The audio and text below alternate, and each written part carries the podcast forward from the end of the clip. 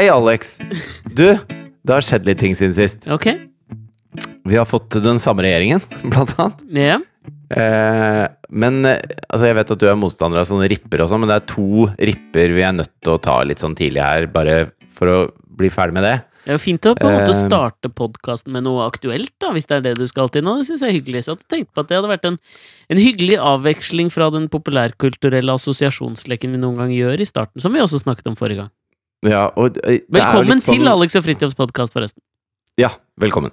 Det er jo litt sånn at eh, det- i dag er det onsdag, og mm. jeg har ikke for vane å nyte alkohol på onsdager, men jeg, nå har jeg skjenket meg et eh, glass rødvin til ære for Frank Aarbrot og Per Fugelli. Jeg er jo, som du vet, en veldig sånn en motstander av den visuelle rippen som har hjemsøkt vårt sosiale medieland. Ja, Men men det er jo ikke den visuelle du er motstander av, du er motstander av den derre eh, det å spre den. Så i utgangspunktet så burde du være motstander av å gjøre det her også. Det at du må si til noen du ikke kjenner, at du føler på at det mennesket er borte, det er det du er motstander av. Stemmer ikke det? I, til en viss grad stemmer det, men jeg føler at man på en annen måte enn eh, type Instagram kan forsvare det auditivt i en podkast og elaborere rundt temaet og kanskje begrunne det litt mer enn bare en slags form for identitetsmark visuell identitetsmarkør med et rip. Ja, Så jeg føler jeg har si æren og ryggmargen i behold. For akkurat, akkurat disse to her, disse to ærverdige mennene som nå er gått bort, det var to gode uh, riddere, syns jeg, altså. Det var ja, men jeg mener det! Ja, Jeg synes det var skikkelig trist, jeg. Ja, ja. jo, men nå prøver jeg liksom å bygge, bygge et lite bilde her, da. Ja, men det er jo også, Eh. så kan vi passe oss litt her nå, fordi som, som eh, Jeg veit ikke om jeg har nevnt um, Christopher Hitchens noen gang, apropos å Åh, rippe noen i må vi podkasten. begynne der med en gang? Han, han skriver i memoarene sine at eh, det alltid er fristende å eh, elevere fortidens valuta. På en måte ikke legge noe malurt i dette hyllestbegeret, men på, på en eller annen måte også bare vi, vi, Altså sånn Det kan godt være at Frank Aarebrot var et rasshøl på privaten. Det veit ja, vi ikke. Men det driter jeg i også. Det, det skal ikke jeg bry meg om. Det er for de som var der på privaten og var et rasshøl, bry seg om. Ja, ja. Eh, fordi at det kommer jeg aldri til å få vite heller. Det eneste jeg vet, er at han var en sånn type foreleser eh, på Universitetet i Bergen som, eh, som ofte glemte han hadde time, og satt nede på bak, bak brun og spiste bolle og drakk kaffe. Så elevene måtte dra, ned dit og hente han, og så kom han opp og spurte ja, hva, hva var det vi skulle prate om i dag igjen. Nei, da går det Belgia og Nederland. Og så bare uten notater eller noe, så bare Ja! Belgia og Nederland! Og så satte han i gang med masse anekdoter og masse greier. Dette har jeg fra Aftenpodden for øvrig. Oh, ja, ok, Jeg trodde du hadde fra Bård Vegar Solhjell, som, som i, i veldig snille ordelag beskrev han i forkant eh, i forkant av valgresultatet kom her, for han hadde jo han som foreleser i statsvitenskap. Ja, og, og, og liksom beskrev han som den fyren som alle kjente som Hva, hva hadde han? Norges historie på 200 minutter, eller hva faen, den minutt for minutt Norgeshistorien? Jeg husker ikke hva den sendinga var, men at det egentlig bare var en eller annen lang versjon av alle forelesninger Frank Aarebrot noensinne har hatt uten manus. Og det jeg står Ja. jo litt respekt av det, må vi kunne si. Og han var en sånn type som, som kunne så mye, og vi, vi trenger de folka som kan så mye som Frank Aarbrot kunne i Norge. På mange Derfor måter veldig, er- li, veldig lik oss. Snakker lenge uavbrutt uten manus. Ja, Kanskje ikke på akkurat den kunnskapsgreia om at vi bare gir alle attributter til forskere i Sør-California for Jo, jo. alt vi sier. Eh, og så er det litt sånn random facts, men Mm. eh, akkurat eh, Frank Aarbrot Og samme Per Fugli, jeg syns han var en viktig, en viktig stemme i samfunnsdebatten. Jeg var ikke alltid enig med han, men jeg var stort sett alltid enig med han. Jeg, ja, ja, det kan jeg godt si, jeg også. Men hvis vi Hvis det er noe på en måte Per Fugli også skal ha i i, i sitt ettermæle, så må det vel være at han har vært kroppsliggjøringen av det engelske uttrykket 'to linger on'. Fordi han har jeg trodd at skulle dø lenge nå. Ja. Det må være lov å si. Han er dødsengelens Kjell Bekkelund.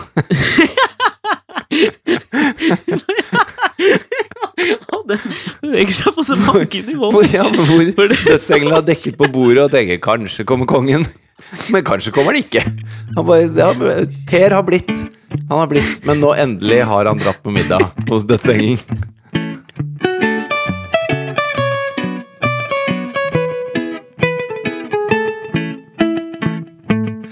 Apropos det. Apropos det. Jeg, Ja, det er, den var god. jeg har hørt litt på Juba Juba i det siste, vet du. Fordi Ja. Mm. det syns jo barna er gøy. Eh, Eller primært Jonathan Thea er mer på sant, Justin Bieber og, og det, den bagen der. Hun er Eh, veldig på Descendants 2-soundtracket, hvis du lurte. Jeg har jo en eh, Det er hun veldig på. Og så syns hun at Freddy Kalas er en av verdens største popstjerner. Eh, nok om det. Om enn en av Norges største kulturelle appropriasjonsmestere også. Ref den jævla Jamaica-dritten han leverte på Grand Prix. Ja, nå- Uansett, gå videre. Da trodde jeg du skulle si et av Norges største kulturelle aproposer. Som hadde vært fint. Ja, Da fall- kunne du satt et mall foran apropos der, så hadde du kanskje truffet. Men uansett, videre. Jo, og så, og så eh, spilte jeg Juba Juba på kjøkkenet mens jeg lagde middag i dag, og så kommer vi til den, eh, den store hiten som alle kjenner. Se, der kommer det en ku i tunnelen. Nei, den husker jeg ikke. Se, Tenker du på grevling i taket, eller? Der kommer det en ku i tunnelen. Hvorfor har de så fokus på tunneler? De bor i en tunnel, ikke sant? I hele den plata så bor de i en tunnel, og så er det en grevling i taket, og kanskje Her- kommer her skal kongen. Det er en her skal jeg kjempeplate! innrømme. Er Norges Ja, men jeg har den til og med på vinyl. Men jeg har aldri hørt plata liksom fra spor én satt på Juba Huba-skiva. Det har jeg aldri gjort. Men det er jo, det, de er Norges Beatles, og det tør jeg faktisk påstå. Ja, men det er også enig, for det, og dette er en sånn Dette er sånn, sånn flau ting å innrømme. Da um, var det Dolmen han het, han som har gått bort. Ja. Husker jeg aldri om han var Knutsen eller Ludvigsen. Nei, Eh, men hvem bryr seg da? Men en av dem har gått bort. Rett før det skjedde, så var det jo en samling av liksom stjernemusikere fra Bergen. Sondre Lerche, Julian Berntsen, for dere som husker han. Waffy Town-skiva var jo nydelig! Waffy Eh, het den Husker det? du ikke, husker du ikke Waffy Town-konseptskiva til Julian Berntsen? Nei, den kjøpte jeg ikke, ass. Kanskje inspirert av Juba Juba, men uansett et slags stjernelag av bergenske musikere. Selvfølgelig Tarjei Strøm på, på trommer, eh, v- Bård Ylvisåker kommer inn på gitar. Samlet på Øyafestivalen for å hylle Knutsen og Ludvigsen som en eller annen slags form for musikalsk dannelsesprosess menneskeliggjort i band. Ja. Og da husker jeg at jeg dro på Øyafestivalen og var fortsatt i den fasen hvor jeg lata som at jeg liksom sånn satt veldig pris på det å kunne min backkatalog av Knutsen og Ludvigsen. du lata, du lata om det helt fram til jeg eh, sa ku i tunnelen nå, du. Nå, Det var da du kom ut av. Knutsen og Ludvigsen-skapet. Ja, var kanskje egentlig det. Jeg, jeg, jeg kan ikke min Knutsen og Ludvigsen. Nei, Da vet jeg ikke hvor morsom denne historien blir for deg, men i hvert fall så, så satte jeg på den Se, der kommer det en ku i tunnelen. Ja. Og, og det er det teksten åpner med. Og så står Thea der, og så hører hun, og så får hun litt sånn rynke mellom øya. Og så hva er det de synger om, egentlig?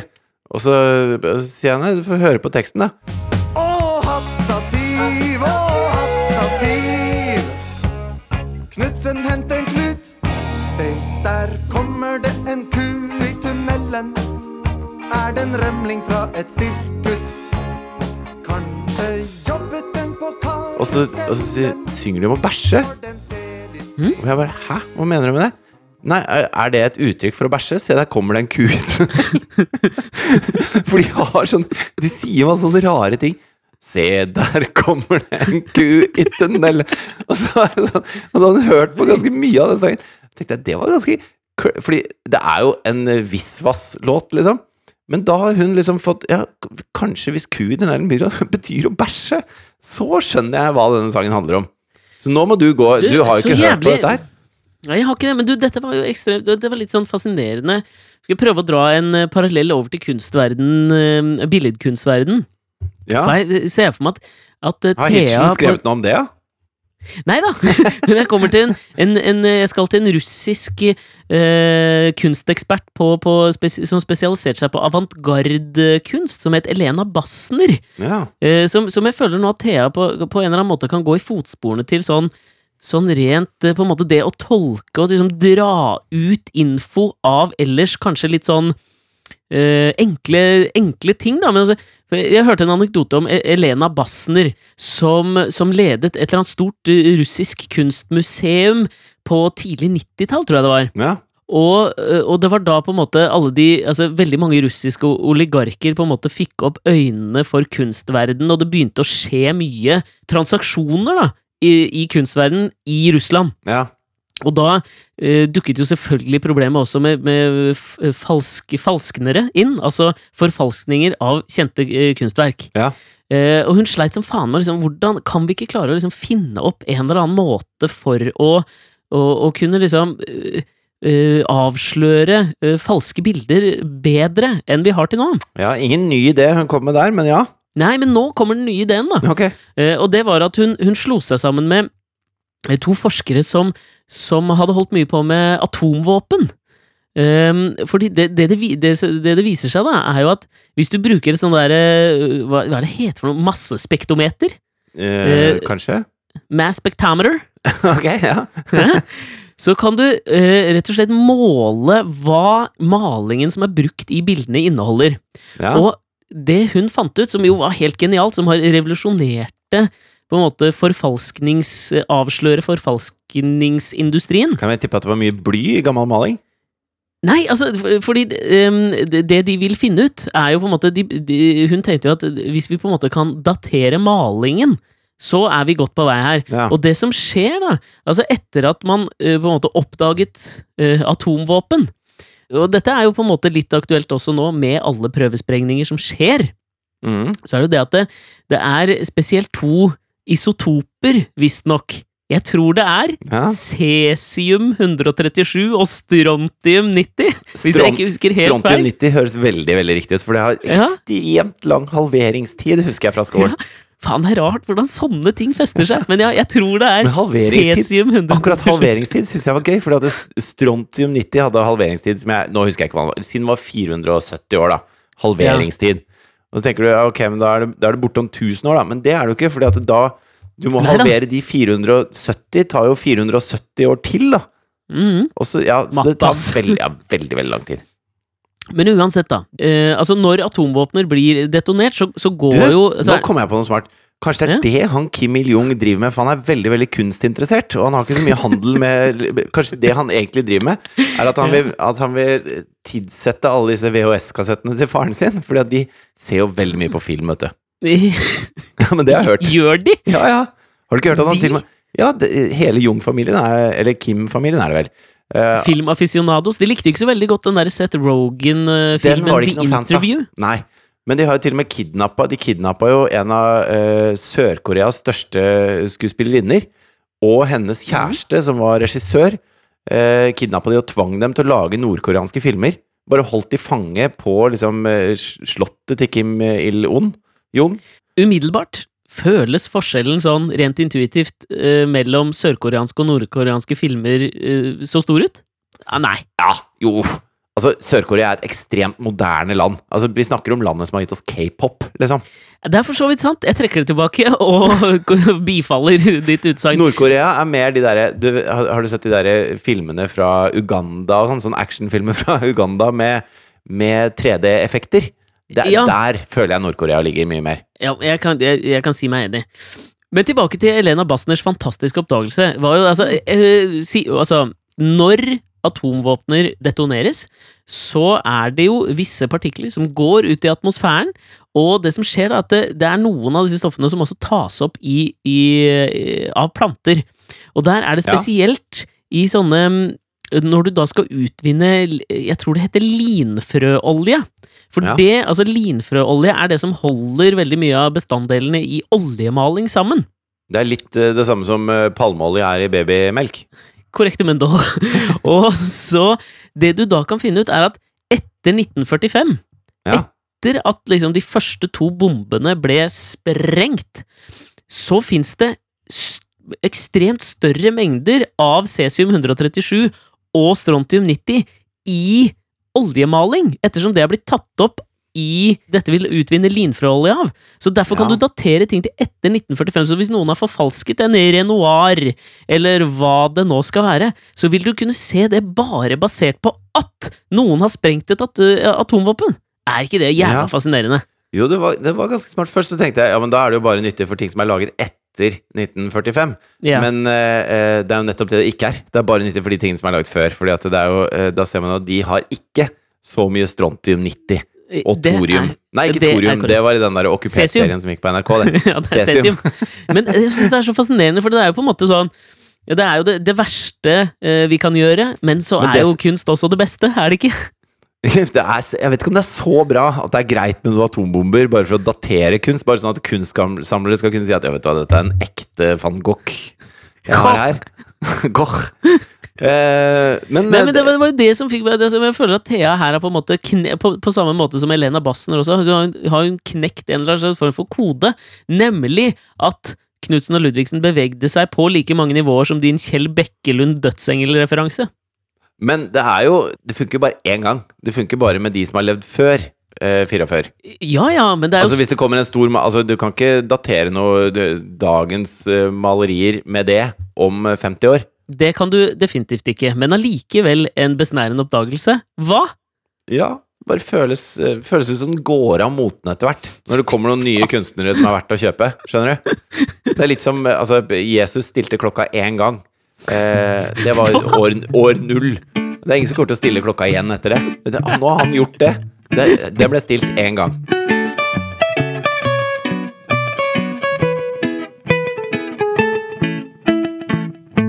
Nå skal ikke jeg tilbake til det vi snakka om for den podkasten for lenge siden, men, Mm. men dette med at man eh, tror man kjenner noen, og så viser det seg at de har noen, noen lag man ikke visste om, Ja. eh, det syns jeg er litt spennende. Ja. Eh, hvilke konnotasjoner har du hvis jeg sier Ted Cruz? Ja, det, nei, hva faen har jeg? Altså, ja, men så Abortmotstander kommer opp uh, veldig tidlig. Ja. I, I min sånn Si det første du tenker på, så er det nok abortmotstander.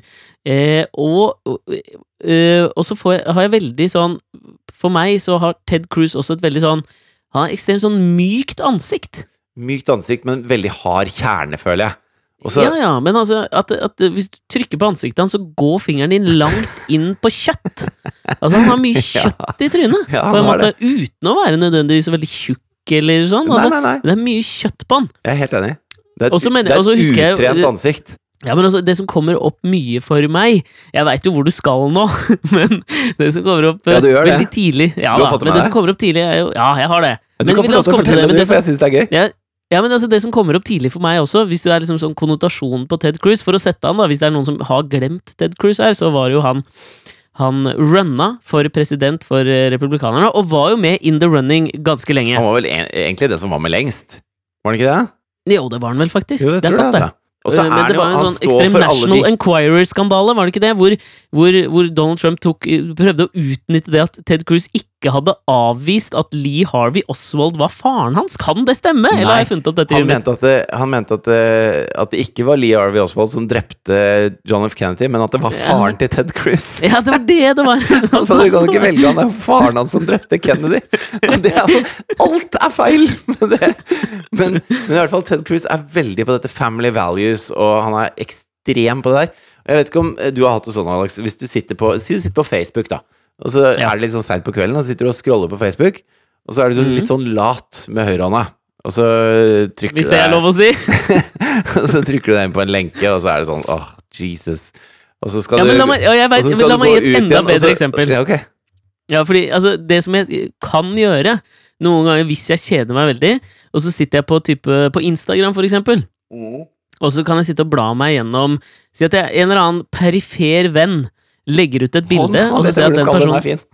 ja, Og så har den liksom tagga fetteren sin, som jeg møtte en gang i 2011. Ja. Så jeg klikker inn på profilen hans òg, Og så- liksom Og så sitter du og blar langt ned i bildene til han fetteren. Og så er du litt slapp i høyrelanken, og så ender du opp med å like et bilde fra 2014. Ja, ikke sant? Til en fyr du har møtt én gang før for Ja. fire år siden. En såkalt deep like. En deep Og det, og det er jo altså Det er ekstremt flaut å gjøre. Ja, for da dukker jo det opp, ikke sant? På andre enden der så var det Oi, nå har han fyren jeg møtte for fire år siden, likt et bilde jeg la ut for to år siden. Da vil si han har scrolla gjennom 150 bilder på Instagram. Hva faen er det han driver med? Det er veldig ekkelt å få Den er sånn deep likes. Jeg satt akkurat på Jeg har brukt hele dagen på jobb i dag med å sitte på et sånt Google-seminar. Eh, Ja. og da, for, å, for å bli opplært Vi skal migrere da over til eh, Google på alle våre Altså, ja, hva faen veit jeg. Men nå, det, nå er det Google som Hva skal faen? brukes alt. Hva faen bruker dere nå? Kvasir? Nei, Men jeg hadde jo sånn Dropbox og alt denne dritten der. Ja, okay, Du skjønner hva jeg mener. Spennende, dette her. der. Og der, der fikk Det er ikke rart det heter The Future Group. For faen, da. Ja. Jeg Nå har skal, begynne, nå skal The Future Group i 2017 begynne å bruke Google. Det er jo ikke søkemotoren. Det er jo på en måte universet Google. Jeg skjønner det, da. La meg le Ja. litt av det, da. Det er greit, det. Men, og der, for første gang nå, så har jeg kunnet klare å lage en innstilling på mailen min som har en sånn um, en lag på ti sekunder, hvor jeg kan ta liksom angre. Å ja. Og, og akkurat den knappen skulle jeg jo gjerne på en måte hatt eh, altså Selvfølgelig i livet, men, men gjerne også på alle sånn hvis du, hvis du browser gjennom Instagram, så bør de på en måte legge inn den undo like-knappen. ja. Sånn at ti sekunder etter at du har lika noe, så kan du faktisk angre deg og trykke undo. Så du slipper den pinlige fetteren til en gammel kollega-liken i 2014. Ja, for nå har jo altså Ted Cruz eh, vært på Twitter, da. Og så har han bladd seg nedover, og så har han klikka på en sånn pornolink. Og så har han lika Ja. en pornofilm. Og det er jo utrolig Ja. pinlig for Ted Cruz. Og, Ja, men jo, men, jo, men det er jo det. Fordi Ja, selvfølgelig han- er det pinlig. Altså, han må se så mye porno han gidder, for min del. Jeg driter i hva Ted Cruz gjør. Men han er så jævlig på sin høye hest hele tiden, og derfor syns jeg det er innmari deilig at han driter seg ut, da. Fordi det, altså, det er jo en britisk politiker som heter Ed Balls. Ja, ikke sant? Og det er jo gøy. I seg selv, Mm. liksom. Og Ed Ja. Balls er en ganske gammel fyr nå. Eh, og for et par år siden så eh, fikk han seg Twitter. Og da Ja. eh, bestemte han seg for å så søke på seg selv. Han skulle søke Er det noen som har skrevet noe om Ed Balls? Så Mhm. det som skjedde, var at Ed Balls, eh, politikeren Ed Balls sin første tweet, var bare Ed Balls. Jeg husker det, så- sånn, det er så Og så heter han Ed Balls, og det er veldig, veldig Ja. gøy. Eh, så nå en gang i året så har alle sånne LAN-party-folk De feirer Ja. Ed Balls Day. Den dagen han la ut sin Ed Balls-tweet. Eh, det, det, det kan jeg like. Det er, det er, en, det er mye mer sjarmis enn det der Ted Cruz-greiene. Ja, men hvis vi skal prøve å koble dette her litt sånn opp mot um, det norske valget, da, og, og litt sånn tr Trump-ish òg her, fordi at jeg merker jo uh, For å ta den Trump-koblingen først, da, så, så merker jeg liksom Jeg satt og så på en eller annen sånn monolog som øh, Stephen Colbert hadde på Late Show. Um, hvor han liksom slo vitsen ikke sant? Faen, nå Jeg tror det var da, da Mike Pence var nede og besøkte um, uh, ofrene etter orkanen i, i Texas. Mm. Hvor han selvfølgelig klarte å oppføre seg som et menneske, i motsetning til Donald Trump. Mm. Hvor liksom Stephen Colberts vits er jo da liksom Faen ta deg, Donald Trump. Ikke få meg til å like Mike Pence. Ja. Og det er den følelsen jeg har litt med Ted Cruz nå. At liksom, hvis ikke Donald Trump hadde vært der, så hadde jeg virkelig hatt skadefryd overfor eh, Ted Cruz. Ja. Men han, han blir bare no, et bedre alternativ. Så derfor er det veldig vanlig Så derfor kjenner jeg, føler jeg litt for Ted Cruz, for det er jo åpenbart at han har jo ikke gjort dette vel vitende om at han liksom trykker like på en pornolink. Nei, det var ikke sånn liksom- han, har, han har gått gjennom så mange pornofilmer, og, eller gått, gått inn på så mye pornoprofiler på Twitter, og så til slutt så fant han en som bare var så bra at han måtte gi noen like. Vet du hva? Vet du hva? Jeg bøyer meg i Jeg vet at jeg er Ted Cruz, men fy faen, for en film! Denne her fortjener en like! Skryt skal gis der skryt fortjenes. Denne her. Jeg klarer ikke å styre meg nå. Dere får en like på den her. Ja, men det er litt sånn Husker du han vi jobba med som mente at han kunne skru av lysbryteren når det gikk Hæ? Hva sa Hæ, hvem? Så, så mente at en gang så hadde han onanert, og så hadde han kommet så hardt at den første dråpen hadde truffet lysbryteren og skrudd av lyset på rommet hans. Hæ, hvem var det? Jeg kan ikke si det her. Det Jeg går ikke si ikke det, an. så beeper vi ut navnet. Han, ja! Det er faen meg sant! Ja, det er litt sånn at det kanskje det var det Ted Cruz gjorde. At det var en, en rebelsk prekum-stråle som bare trykka like på den videoen for den. Ja, men snakk om, snakk om sedens dødsengel, da! Den er faen meg vond, altså! Jeg syns det er litt sånn fascinerende dette her med at vi, så Nå sitter vi og ler om På en måte ler av Ted Cruz, av en slags form for skadefryd. Og jeg så en sånn greie om skadefryd på en Det er måte bare fordi jeg ikke liker den. Altså Hvem som helst kunne gjort den blemma, og så hadde det vært greit. Men det er bare fordi jeg ikke liker den. Jo, men ikke sant, på en måte skadefryden er vel større overfor mennesker man ikke liker, eller som på en måte stiller seg laglig til for at skadefryd skal være på en måte en, eh, en gangbar mynt i hvordan man må se på dem. Jo, men så, altså, Skadefryd innebærer jo på en måte at det er en forsmådd part.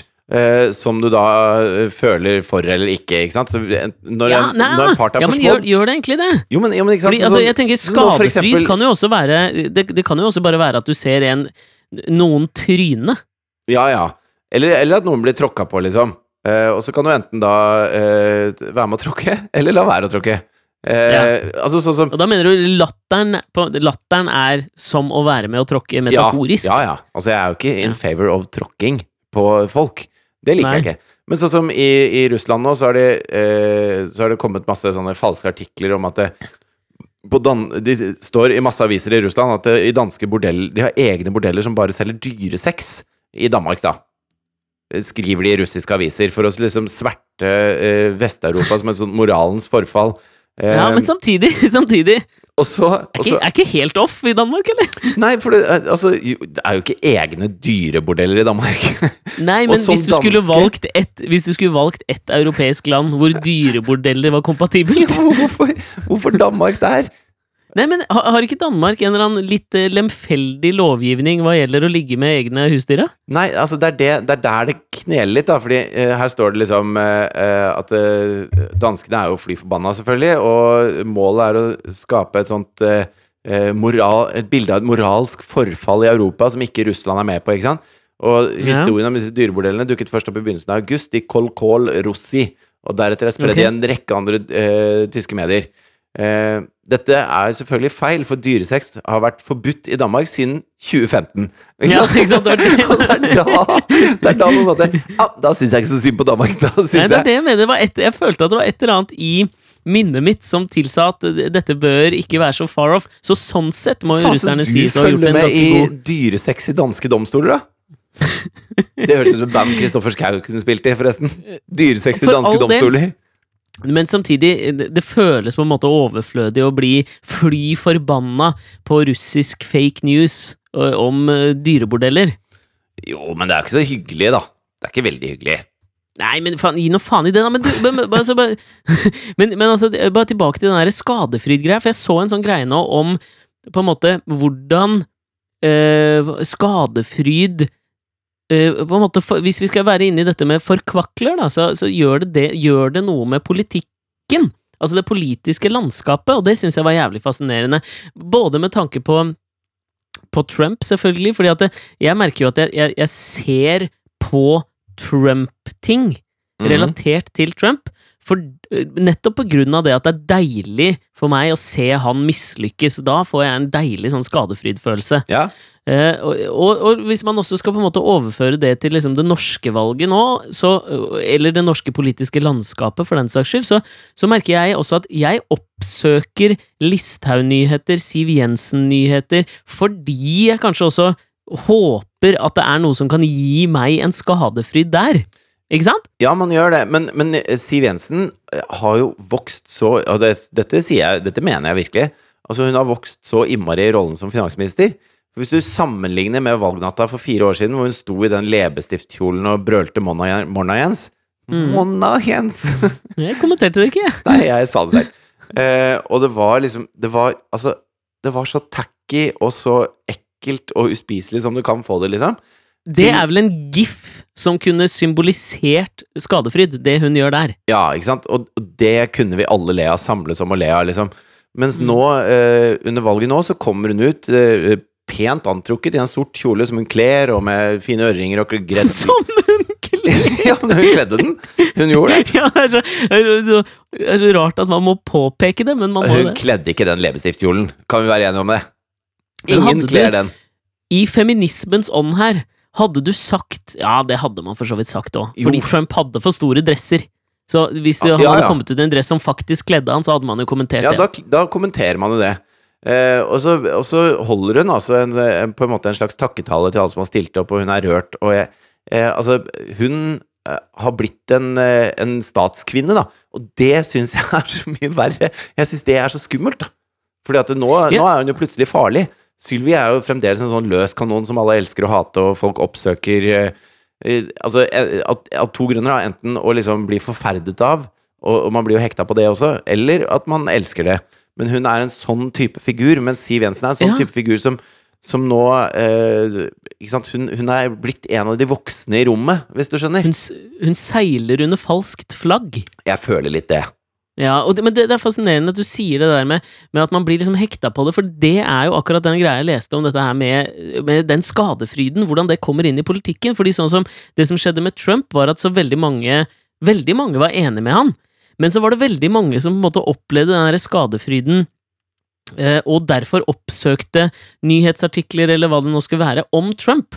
Men det, for mediene, så skiller man jo ikke på Altså Man klarer ikke å skille på hvorfor folk oppsøker noe. Nei, det eneste de leser ut av det, er at Trump er god business, ikke sant? Ja, ikke sant? Alt blir registrert som interesse. Og jeg tror liksom den samme mekanismen kan egentlig appliseres på Listhaug òg, fordi at det, hun er ekstremt splittende i uh, sin blotte natur. Ja, ja. Og derfor vil man liksom også ø, oppleve liksom ø, Interessen for Listhaug er enorm, men det den, det fordrer igjen at liksom mediene da gir henne den oppmerksomheten, og da vil vi jo igjen bare ha mer av det, er som et uh, narkotikum, ikke sant? Mm. At, eh, og, og det igjen fører jo til at man får en slags sånn skjevt bilde, og, og, og det blir en slags form for, for feil oppmerksomhet rundt noe, da, som, som, som er med på liksom å gjøre hele det landskapet skjevt i feil retning, ut ifra hva det er folk egentlig vil ha.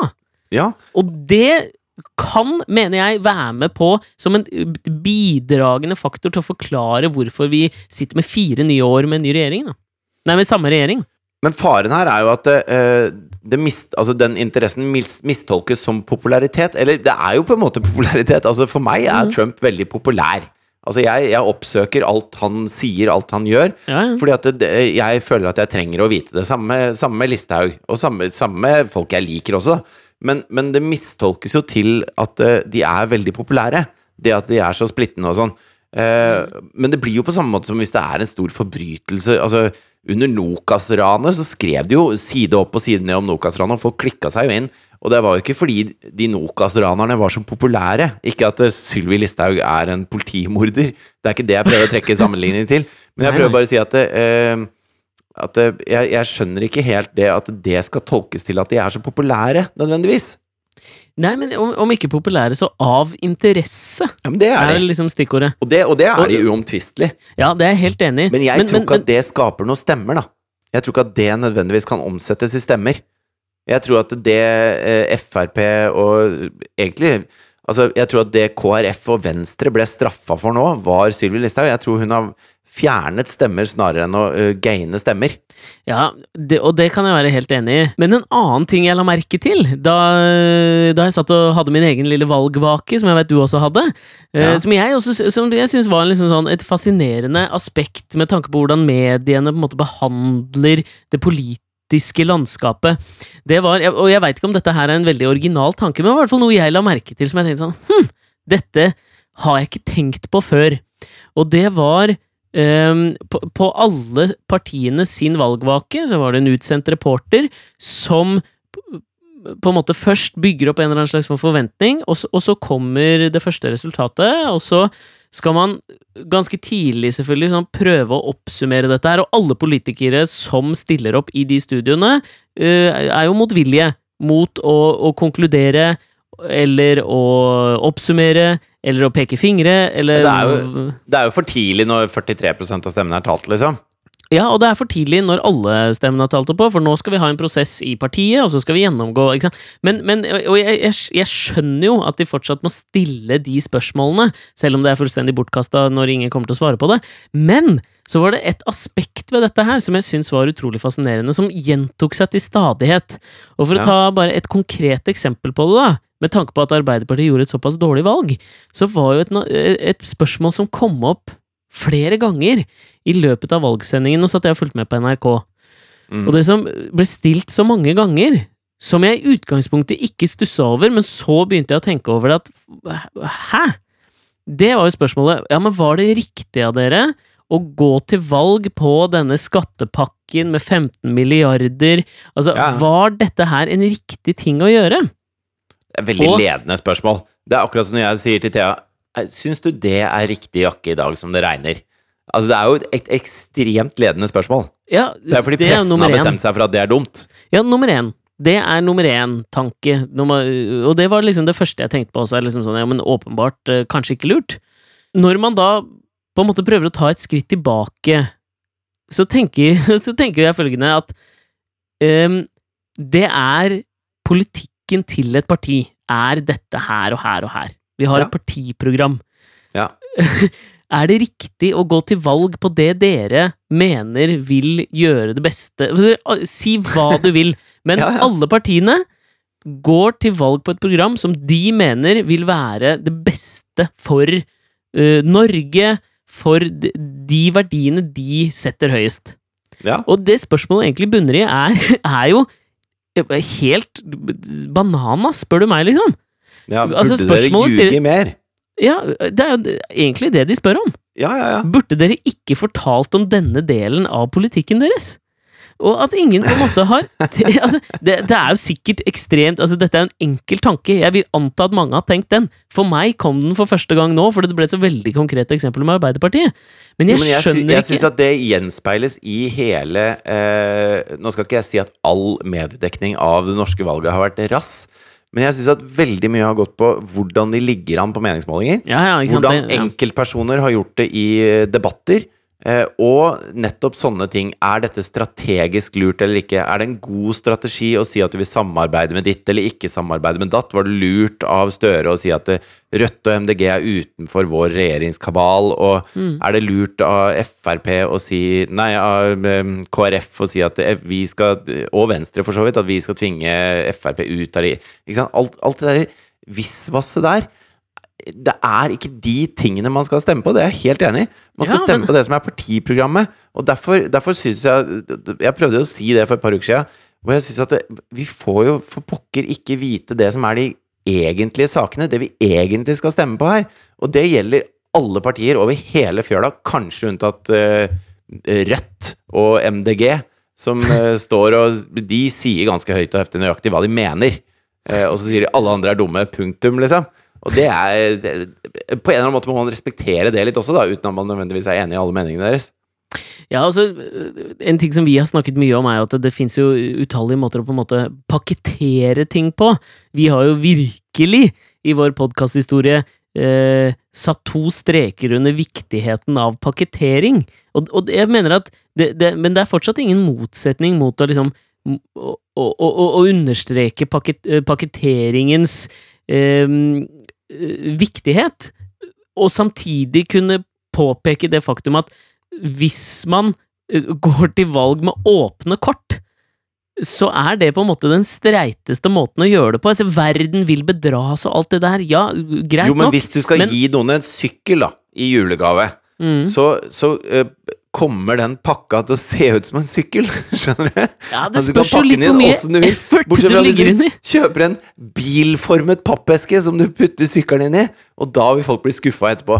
Og jeg tror det er det liksom eh, eh, mange partier har gjort. da At de har kjøpt sånne bilformede pappesker med sykler inni. Jeg syns det var en god ligning, så jeg Ja, førte jeg litt videre er her. det, ja. Men du skjønner hva jeg mener? Ja. Va- Vanligvis når du får en utrolig pent innpakket sykkel, så skjønner du at det er en sykkel. Det er derfor Jeg husker faren min på julaften han sa å, er det en bok? Alltid når det var sånn tydelig Nei, det er en ball. Liksom, Det er ikke en bok. Du ser det er en ball. Eh, altså, han, det, var, det var den store pappavits. Dad jokes ut av ville helvete. Men, Ja, men den satt, liksom. Jeg er helt enig, jeg merker at jeg faller inn i det nøyaktig det samme sjøl. Ja, vi har jo blitt fedre, det er klart Ja, det. ja. Men, men, men øh, hvis vi skal liksom bunne det ned i en slags form for sånn Ja, skal vi si en pakketert ærlighet, da, så, så mener jeg at i lengden hvis vi nå skal på en måte tviholde på vårt håp om regjeringsskifte, så har jeg sett mye på Um, eh, og av en naturlig grunn, jeg, jeg prøver jo å jobbe fram denne stand-upen som jeg eh, tapte Jeg tapte jo vårt eh, live-in-veddemål. Ja, fy faen, det har latt vente på seg, altså. Ja, jeg veit det, men jeg har ikke lyst til å presentere noe halvveis. Hvis jeg Nei, men- først skal Nei, debutere på standup-scenen. Nå må vi sette en deadline. Om to uker skal du presentere. Nei, nei, Om to uker det- er det standup. Jo, men det er det. Nei, ja, Ferdig snakka. Ellers så kommer det aldri til å skje. Om to uker. ja, men Det altså, er jeg, standup. Slutten av september. jeg Jeg kommer til å snakke kjeft på deg. Det blir standup.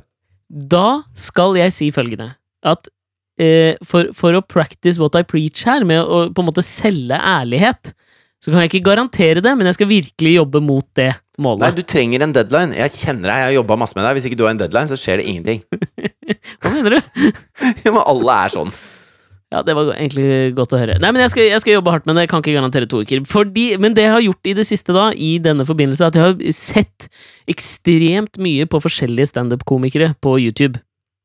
For å prøve å, å hente inspirasjon, eller jeg veit da faen, jeg. Hvordan bygger man opp en kort standup-rutine? Altså, Jeg har prøvd å finne ut alt mulig, så jeg har sett mye på standup, og sett mye på standup-komikere som jeg ikke vanligvis ser på. da Kan du ikke ringe Tommy Steina? Han. Han har ikke noen planer akkurat nå. Han kan være coachen din. Har du nummeret hans, eller? Ja, jeg tror det. Ja, selvfølgelig har du det. Ja. Ja, nei, men det, Da havna jeg inn på en amerikansk komiker som jeg ikke nødvendigvis likte så godt. Men Nei. han heter Bill Burr. Har du sett noe Ja, ham? Ja, hørt om han. Hørt om han. Jeg har sikkert sett noe også. Det var noe veldig kjent med navnet, i hvert fall. Ja, jeg tror han er, han er jo Skalla veldig fyr, eller? Ja, Litt skalla sånn fyr. liten skalla fyr. Har en viss sånn ginger uh, Ja, ser litt sånn hvis det kan Han ser skotsk ut. Ja, men om ikke han ser amerikansk-irsk ut, typ Boston, kunne Ja, vært kompisen Boston. til Matt Damon i Goodwill Hunting, typ. Skjønner. Ja. Skjønner. Og jeg, jeg er ikke nødvendigvis eh, noen superfan av han, men da, da kom jeg over en Det var en sånn ekstremt dårlig oppløsning, film. Åpenbart en eller annen fra publikum som hadde bare filmet dette her, og jeg fant ingen andre bedre oppløsningsfilmer eh, eh, på, på det samme temaet, men han var og gjorde en standup i Philadelphia, hvor han eh, adresserte et eh, i over... Altså, overvekten var afroamerikanere i publikum. Og hans vitser slo ikke nødvendigvis så godt an hos den crowden. Eh, tror jeg litt sånn fordi han tok opp veldig sånn Ikke det at man skal liksom klassifisere humor ut fra hudfarge, men jeg må jo si at det, det er veldig mye av Kevin Hart sine vitser som jeg ikke nødvendigvis syns er veldig gøy, men som jeg ser at hans afroamerikanske publikum kjenner seg kjempegodt igjen i og ler høyt av. Tror du, forresten, hvis du reiste til USA istedenfor å si African American, så sier du Afro-American, tror du det funker?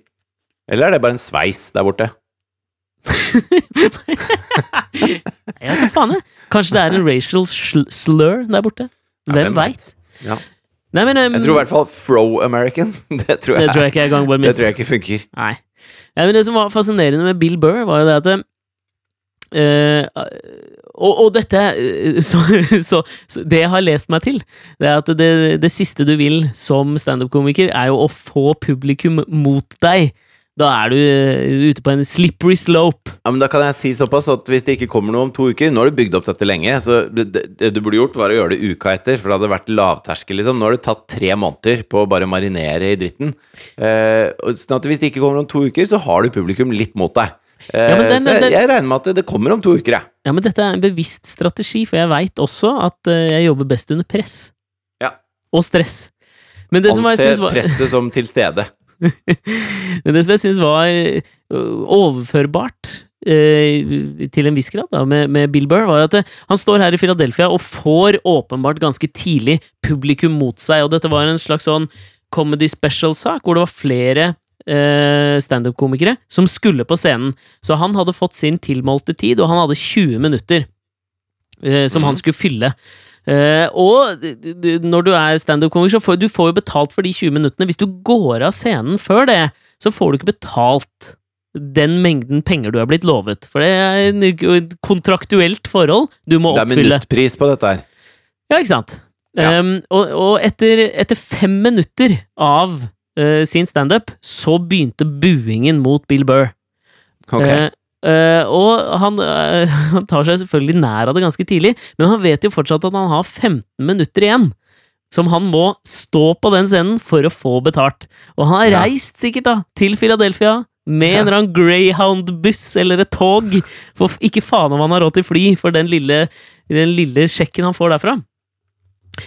Eh, Men han klarer jo samtidig ikke å på en måte skjule sin avsky for det publikummet som buer på han. Ja. Og deri oppstår det noe jævlig fascinerende øh, med tanke på dette her med ærlighet og hva du går til valg på, da, på en måte. Så Mm. begynner Bill Burr å fornærme publikum. På det groveste, altså! På det, okay. på det, det er stygt! Det er ordentlig sånn grisete, og han ønsker dem døde og mødrene deres. Altså by det er helt forferdelig. Okay. Og liksom i starten så er det jo bare mer buing. Mm. Selvfølgelig. Men på et tidspunkt så sier han jeg har ti minutter igjen. Da har han holdt på i fem minutter med grove fornærmelser mot alle i publikum. Enkeltpersoner, publikum samlet, alt mulig. Så sier han jeg har ti minutter til igjen. Brace yourself. Og han fortsetter i ti minutter. Etter de neste fortsatt fem minutter, hvor det bare er Altså, de begynner å kaste ting. Det er helt forferdelig. Men Mhm. de siste fem minuttene, hvor han klarer å opprettholde en verbal mitraljøse av fornærmelser Drittslenging, liksom. Ja, så for, altså, jubelen står i taket for hver fornærmende vits han slår. Og den ærligheten på en måte Bill Burr leverer på den scenen, er jo helt fantastisk, med tanke på liksom det at han legger jo ikke noe imellom. Dette er det dere får. Jeg hater trynene deres, og jeg skal ha betalt. Og på en eller annen måte da så klarer han jo å snu publikum tilbake til seg, som er så Ja. utrolig flott. Men han beviste at han var en stayer. Dette har vi om før. Han tok hele Åge Aleksandersens karriere og bare gjorde det på et kvarter. Og det er jo helt utrolig. Altså Du starter som litt sånn populær, og så merker du at nei, nå var jeg ikke så populær lenger. Og så holdt Åge på i 20 år til. Og da til slutt skjønte folk at ja, vi blir ikke kvitt Åge. Så da begynte han å trille seksere på anmeldelser og alt mulig sånn. Og så var Åge tilbake. Og da var Åge Norges Bruce Springsteen. Bill Burr gjorde det der på et kvarter, han. Det syns jeg er faen meg impressive håper. shit. Men er, faen, la oss håpe nå at det er det venstresiden i norsk politikk klarer å gjøre ved å bare holde inn der og fornærme det norske folk med økte skatter, sånn at vi til slutt skjønner hva faen det er som skjer, og begynner å juble igjen. Ja. Og eh, apropos det at du nå om to uker skal gjøre noe du ikke kan. Jeg har bestemt meg for å gjøre noe jeg ikke kan. Mm. Eh, dette kommer til å komme som en overraskelse på deg, men eh, jeg har bestemt meg for å skrive en kakebok. det er helt sant. Jeg skal begynne nå. Jeg tenkte det. Det skal jeg bruke vinteren på. Fritt, Fritjofs favoritter. Det står mellom Fritjofs favoritter eller mine favoritter, med sånn smilebilde av meg utapå. Ja, nei, men da var jo den standupen stand, stand i boks, da. Eh, vi, vi høres igjen om to uker, da, folkens. Jeg Neida, har- Vi er tilbake jeg- neste uke. Jeg mener at jeg har en spisskompetanse når det gjelder i hvert fall kakesmaking, som mange, som få har. Ja, Etter nei, men da får du- syv sesonger. Får du gi ut en bok Så- om hvordan smake på kaker, da? Det tipper jeg slår kjempegodt an. Mine favoritter da, Altså, jeg har smakt mer kaker enn de fleste. Det kan jeg i hvert fall si. Det blir bra bok, ass. Fy faen, det blir bra. Uff, jeg føler at med det Vi får, vi får leave on a high note. Jeg, jeg har en milliard kommentarer til det du sa nå, men jeg får prøve på en eller annen måte integrere dem i denne standupen som kommer om noen uker. Det diffuse noen. Ja, to. Det betyr det. Ja. Vet du hva? Eh, eh, bare helt avslutningsvis så har jeg lyst til å bare si til lytterne at er altså Jeg setter så jævlig stor pris på at dere hører uke etter uke, for det er jo grunnen til at vi kan holde på her. Det hadde nok ikke skjedd at vi spilte inn podkast hvis ingen hørte på, og eh, jeg syns det er Si ikke det! Nei, si ikke det, da, men si at det er i hvert fall en, en, em, en medvirkende årsak til at vi velger å sette oss ned og, og skravle en time hver uke, og det syns jeg er så fantastisk flott. Og tusen takk for alle de herlige meldingene vi får og, eh, på, på Facebook og alt mulig. Det er eh, Jeg Jeg blir jeg ordentlig glad hver gang. Jeg begynner å lure på om folk syns litt synd på oss. Ja, fordi at det, nå har vi fått så mange sånne hyggelige meldinger som, også, Ja. ja, som skriver sånn at de har hørt på alle podkastene, og vi har vært med dem i så mange situasjoner. Og, og jeg, jeg, blir, jeg blir ordentlig varm inni meg, da. Altså eh, Ja, og det er noe det som- betyr mye. Vi prøver å svare på alt så fort vi kan, eh, og så føler jeg at det er noe på en måte man ikke klarer å uttrykke tekstuelt.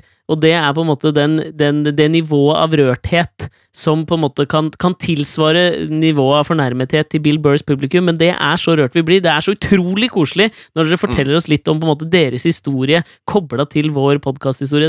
Jeg elsker å få sånne beskjeder.